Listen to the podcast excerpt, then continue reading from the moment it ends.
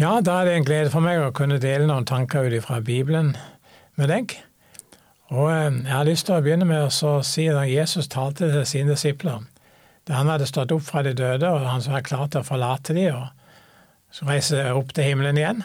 Da er det han sier til disiplene sine, gå derfor ut og gjør alle folkeslag til disipler. Å ta imot Jesus som konge og sjef i våre liv, det er det samme som å bli hans disippel. Disippel betyr jo lærling. Å ha Jesus som sjef i livet, det er å la han lede dine tanker, ord og gjerninger. Om vi har valgt Jesus som sjef og blitt hans lærling, så er det et valg som ikke bare betyr noe for dette livet.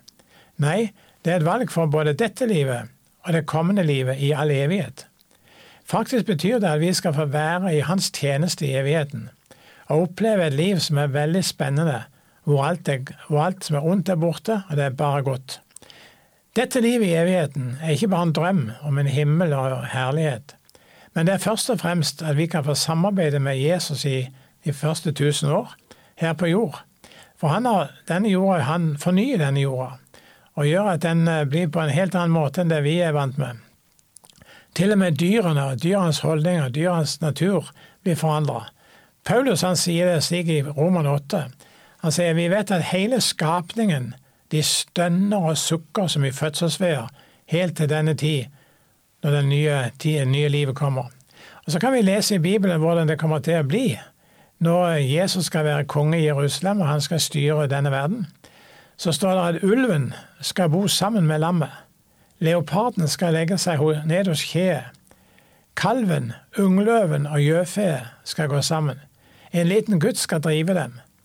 Kua og bjørnen skal beite sammen. Deres unger skal legge seg ned i lag.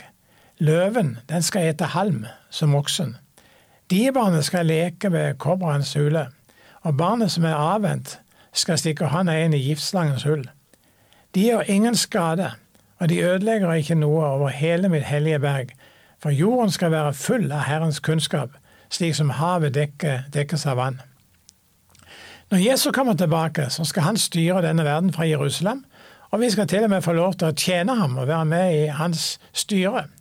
Det livet vi nå lever her, det skal få belønning i evigheten. Det er derfor Jesus sier det, han sier til dem, samle dere ikke skatter her, men samle dere skatter i himmelen. Gjennom ditt og mitt liv så bygger vi opp en lønn som skal komme oss til gode i evigheten. I det siste kapittelet i Bibelen så sier Jesus jeg kommer snart, og min lønn er med meg, for å gi enhver igjen etter hans gjerning. Vi får belønning for hver god gjerning vi gjør, og vi får fratrekk på det vi lar være å gjøre. Om vi, vi gjør det som er synd, er ulydige mot Jesus og ikke vil følge han, da vil vi ikke bare miste lønnen, men vi vil bli kastet i helvete, fortapelsen. Hvor tragisk å måtte oppleve å få denne fryktelige framtida. Det er derfor så viktig for oss at vi alle leser vår Jesu egen bok, Bibelen, så vi vet hva han ønsker vi skal gjøre, og kan adlyde han som hans disippel. Jesus fortalte sine egne disipler den siste kvelden han var sammen med dem, om hvordan de skulle leve. Han sier til dem, det står i Johannes 15, Jeg er vintreet, dere er greinene. Bli i meg, så blir jeg i dere. Og i vers 5 og 6, Jeg er vintreet, dere er greinene.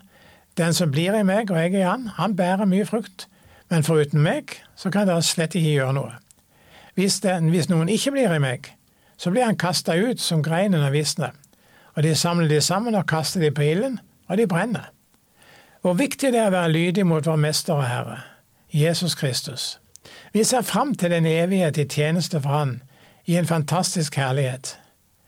Velg Han som mester og konge i livet ditt òg, og du behøver ikke frykte døden. Apostelen Paulus sier det slik, for meg er livet Kristus og døden en vinning. Jeg har et vers i 2. Korinterbrev 5,9 som jeg har nesten hatt som et slags motto i livet, og der sier Paulus det følgende, Derfor setter vi vår ære i å være til behag for Han, enten vi er hjemme eller borte, for vi skal alle fram for Kristi domstol, for at enhver kan få igjen de ting som er gjort ved kroppen, enten det han gjort, etter det han har gjort, enten godt eller vondt. Når vi da kjenner frykten for Herren, så overtaler vi mennesker. Du har kanskje blitt hans disippel, du har tatt imot han som konge og mester i livet. Følg han. Gå hans vei. Les Bibelen.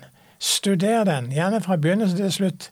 Det er sånn at du best forstår Det nye testamentet hvis du har først lest det gamle.